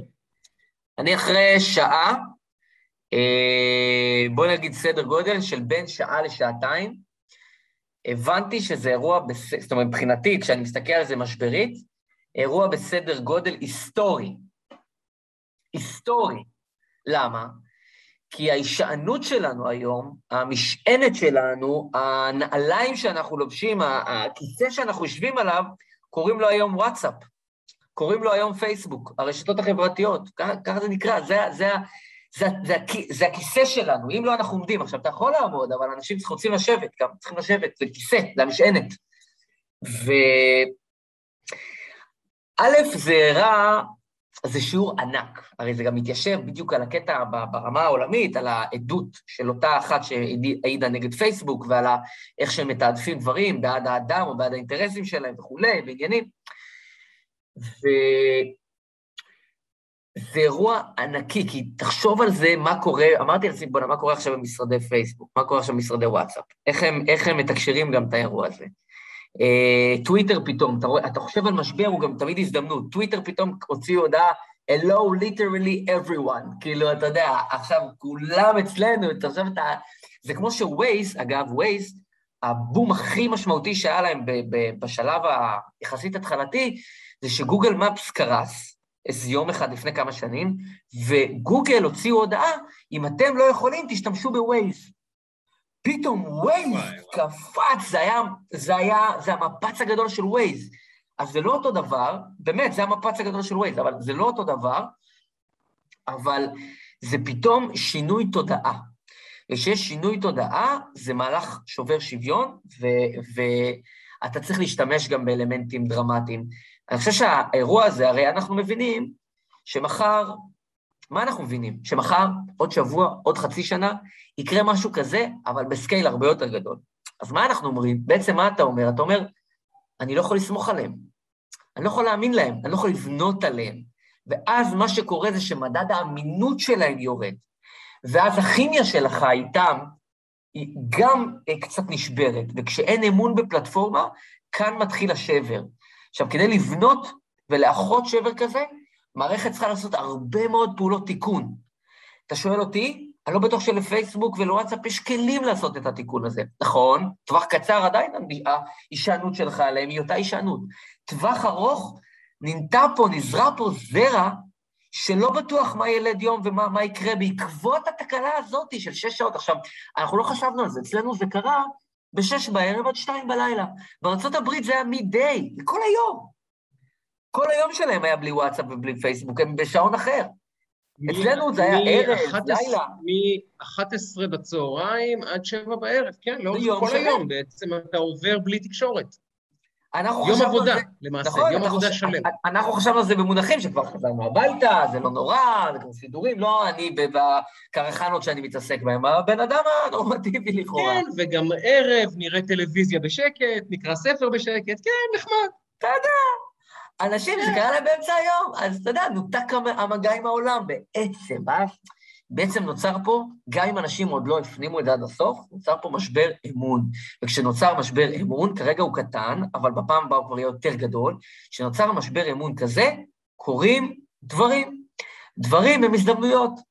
אז מצד אחד פייסבוק ווואטסאפ יש להם פה וואחד משבר אמון לתקן, מצד שני נוצר אופציה והזדמנות לפלטפורמות אחרות, לגלות פלטפורמות אחרות, להבין את, את משמעות הכוח של אותן פלטפורמות עלינו, ולכן זה, זה אירוע בעיניי מרתק, שגם, אני לא מגזים, שיחרט גם וייכתב בספרי ההיסטוריה של המדיה הדיגיטלית והרשתות החברתיות עד כדי כך. א', אני מסכים איתך שזה רק טריילר, זה פרומו לאירוע הבא. מסכים איתך, וזה אירוע שהצורה שבה התגובה הציבורית תהיה, והתגובה גם של פייסבוק וחבורה, אה, יהיה באמת המבחן. זה, זה טריילר. ואם פייסבוק לא מבינים שזה עומד לקרות עכשיו, בואו נסבר את האוזניים לאנשים עם מספרים. תבינו, מרק צוקרברג הוא היום האדם החזק בעולם, בעולם. למה? כי בלחיצת כפתור הוא יכול לעצור חצי מהאנושות, לחיצת כפתור אחת. ארבעה מיליארד איש מחוברים לפייסבוק, אינסטגרם ווואטסאפ ביחד. ארבעה מיליארד איש. האנושות כולה יש פחות משמונה מיליארד איש. זה אומר שחצי מהאנושות, חצי מהאנושות ביום שש שעות הייתה מנותקת מתקשורת. חצי מהאנושות. כלי התקשורת המרכזיים שלה וכלי החיים החברתיים שלה וכלי העברת המידע שלה, המשפחתי והמקצועי והעסקי והאישי והלא יודע מה, במשך חצי אנושות נמצאת בידיים של איש אחד. מי שלא מבין, א', אין לזה תקדים בהיסטוריה האנושית, שום דבר לא מתקרב לזה. קין והבל. הנה, למדנו עכשיו. ממש. אתם מבינים, אגב, שצוקרברג יותר חזק מנשיא ארה"ב, כן? אתם מבינים את זה. ג'ו ביידן לא יכול להשפיע על ארבעה מיליארד איש בלחיצת כפתור, אלא אם כן הוא שולח מאה טילי אה, אה, אטום, כן? הוא לא יכול.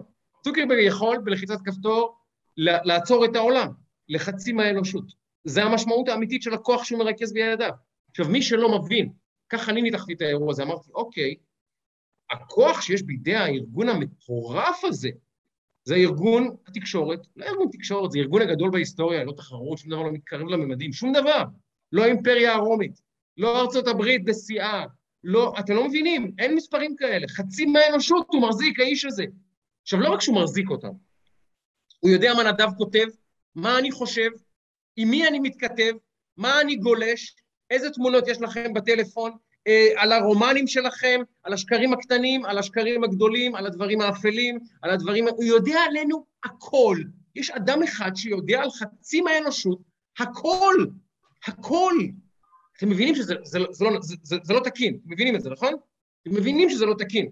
ואני חושב שהעולם, אה, ככה אני מזהה את התהליך, מתחיל לרסן את פייסבוק, כי המפלצת הזאת יצאה משליטה.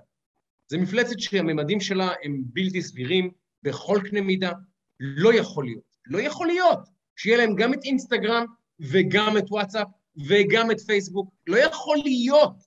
שמעתי שהם עכשיו בתחרות על טיקטוק גם. שמעתי שהם רוצים לרכוש את טיקטוק באיזה 900 מיליארד דולר, לא יודע כמה כסף יש להם לשפוך. הם רוצים לשלוט באנושות, אתם מבינים את זה, נכון?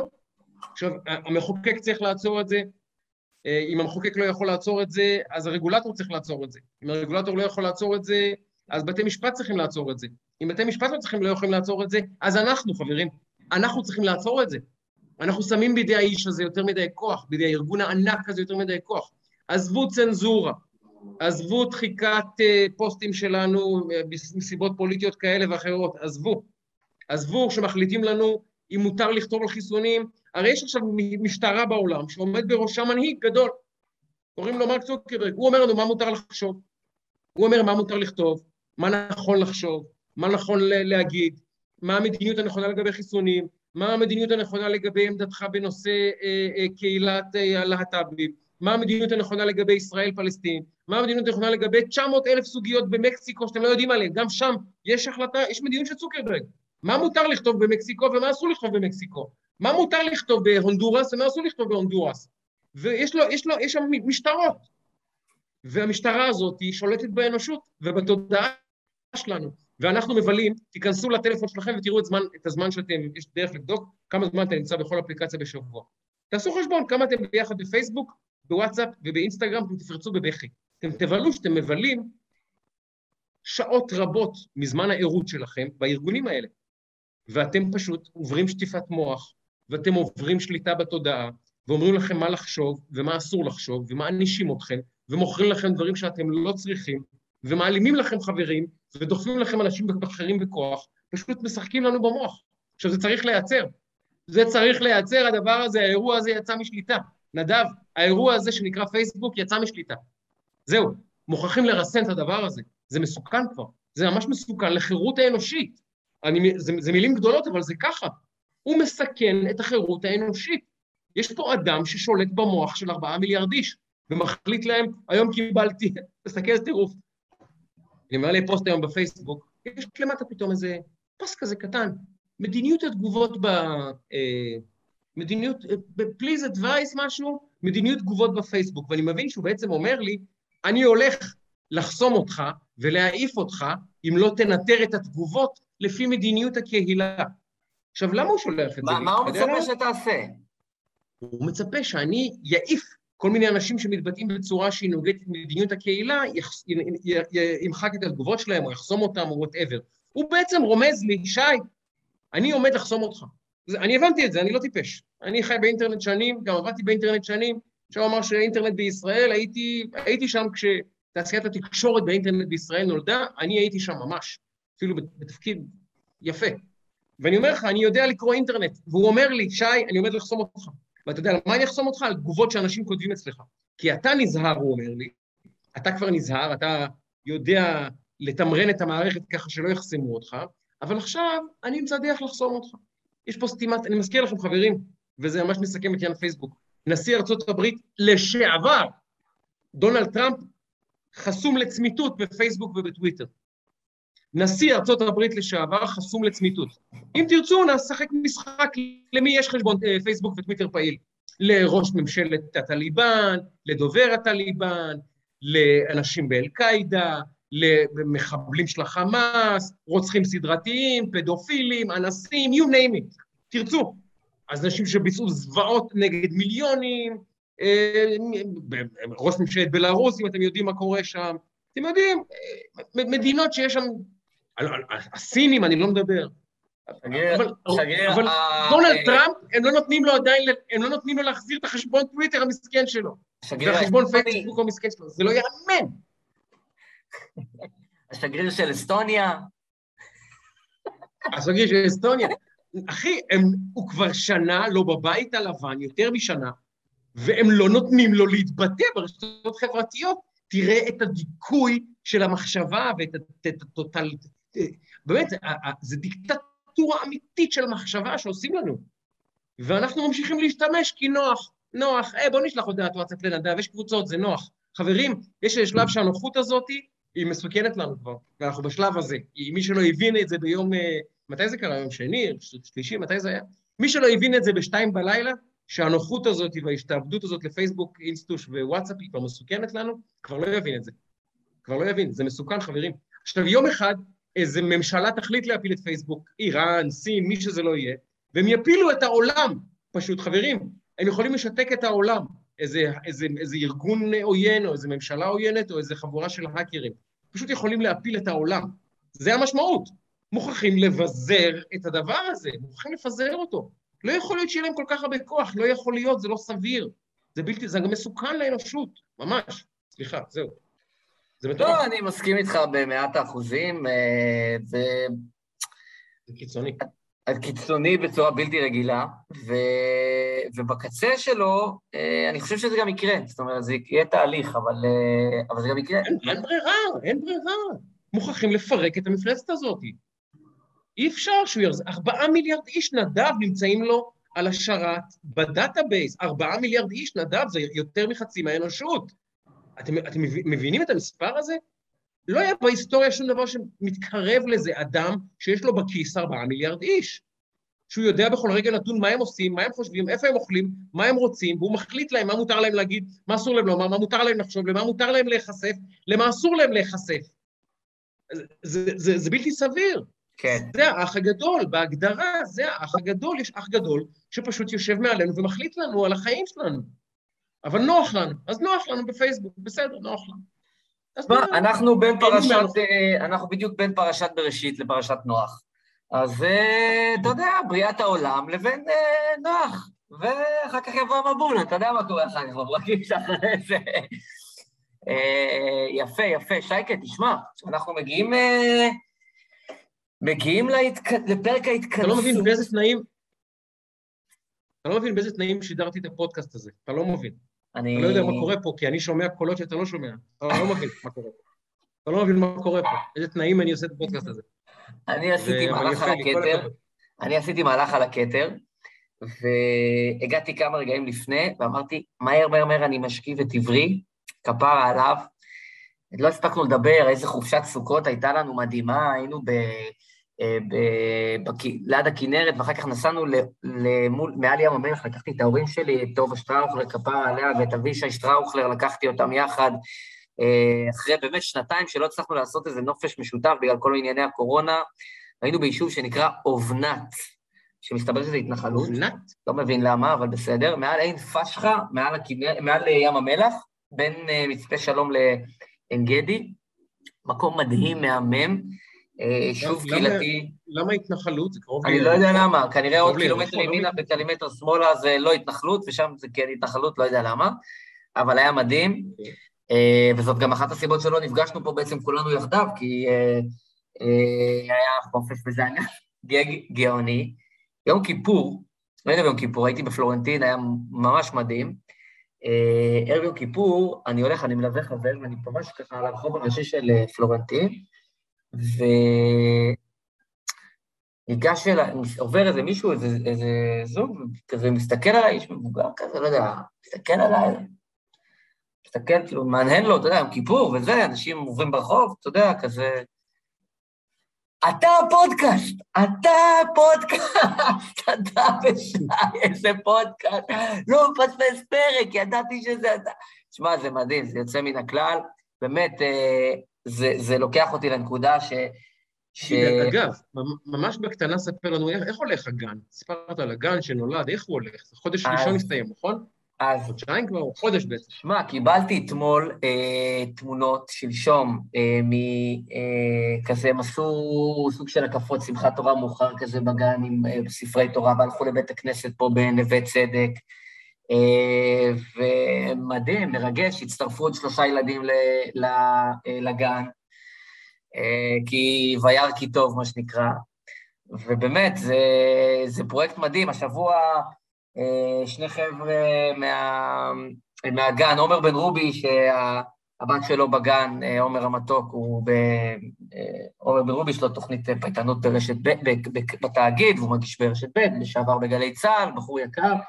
אה, ועוד חבר בשם יאיר לוי, שיחד הקמנו את ה...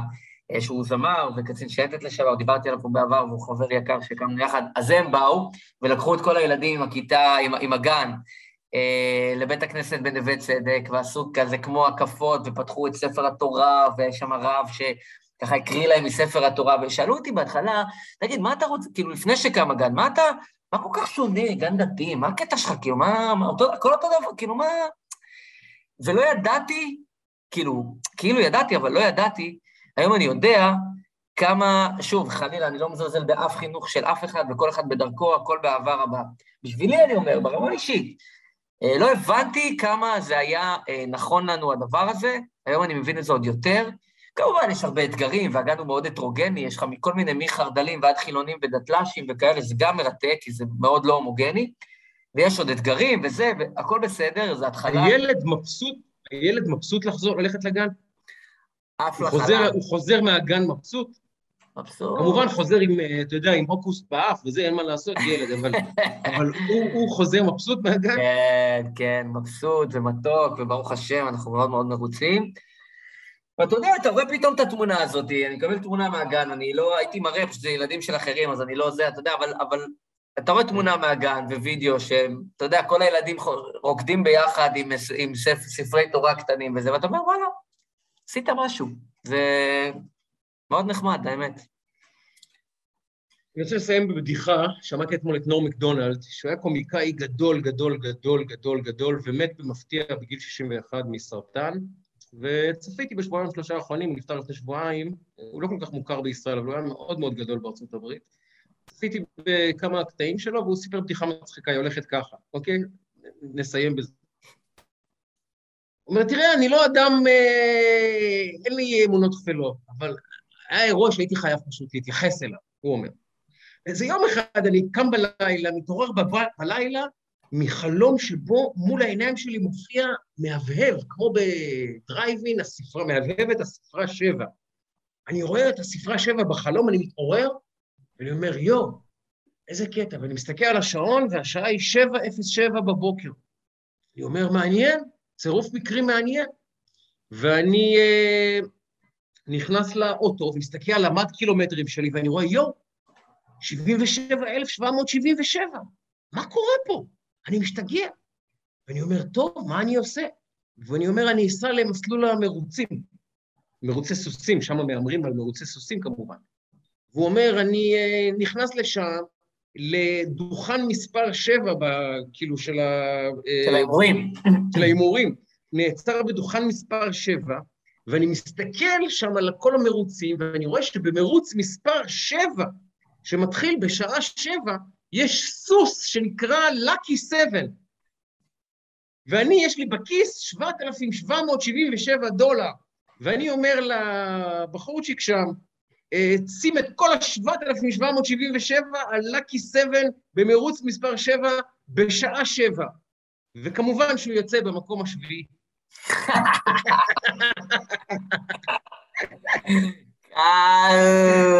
בדיחה גדולה, נכון? זה נור מקדונלד. זה נור מקדונלד הגדול.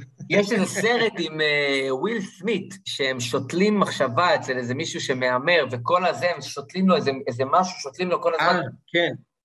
איזה סרט פיץ' קוראים לזה, פיץ', היץ', היץ', הוא שותה לו כן, מחשבה כל היום, ואז הוא בא ומהמר על זה, ואז כן. תזכיר לי את זה. יפה מאוד, יפה מאוד, יפה מאוד. זה פואנטה כזה יפה, הוא בונה מאוד יפה את ה-7777, כן. יפה אה, מאוד. אז... אה, קודם כל, אה, התגעגעתי. היה כיף, בוא'נה, היה פרק כיף, איזה כיף, מלא דברים, היה לי עוד דברים לדבר עליהם, אבל צם תם זמננו.